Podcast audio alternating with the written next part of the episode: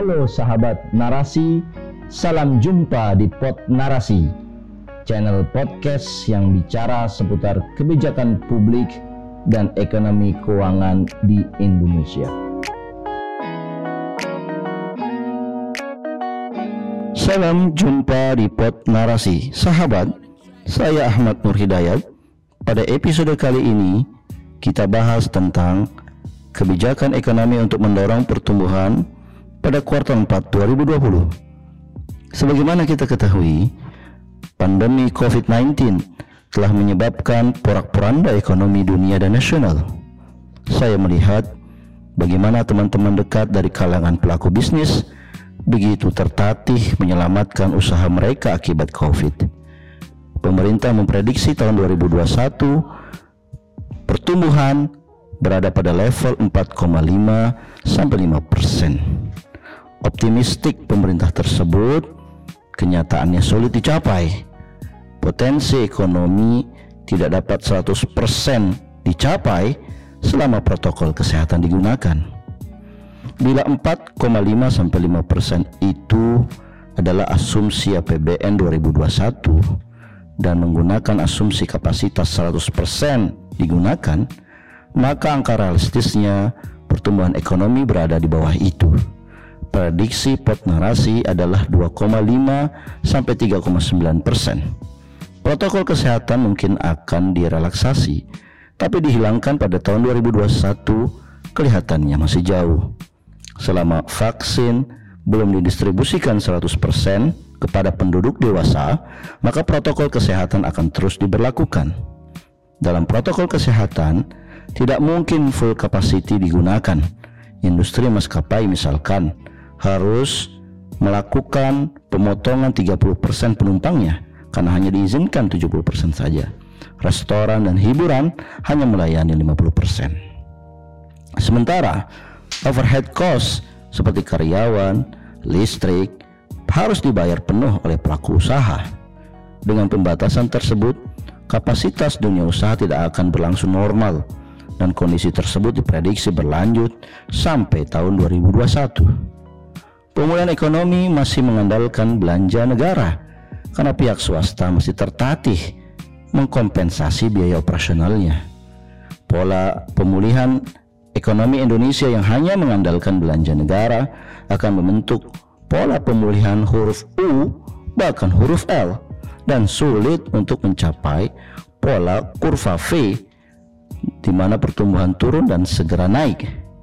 Apabila terdapat gelombang kedua di tahun 2021, maka pola pertumbuhan ekonomi menjadi pola huruf W, di mana turun, naik sedikit dan turun lagi karena gelombang kedua tersebut. Bagaimana dengan pertumbuhan ekonomi tahun 2020 ini? Bank Dunia, OECD, dan IMF memproyeksi ekonomi Indonesia 2020 ini akan terkontraksi 1 sampai 3 persen namun tahun depan akan better off meski tidak setinggi prediksi pemerintah 5%. Bila daya serap belanja negara tidak mengembirakan, kami memprediksi 2020 diakhiri pertumbuhan negatif tipis di minus 1% hingga positif 1%. Bila daya serap belanja negara bagus, pertumbuhan kuartal keempat 2020 bisa positif sehingga 2020 ditutup dengan pertumbuhan positif 0,8 sampai 1,5 persen.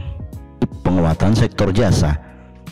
Selain solusi belanja pemerintah, pemulihan ekonomi di tahun 2020 bisa mengandalkan sektor jasa, sektor ekonomi kreatif dan hiburan bioskop dan pertunjukan kreatif bisa dibuka dengan cara konsumen melakukan tes PCR atau swab sebelum memasuki tempat pertunjukan tersebut. Namun, tes PCR senilai 900 ribu itu masih terlalu mahal. Harusnya dapat ditekan dalam kisaran 200 sampai 300 ribu saja.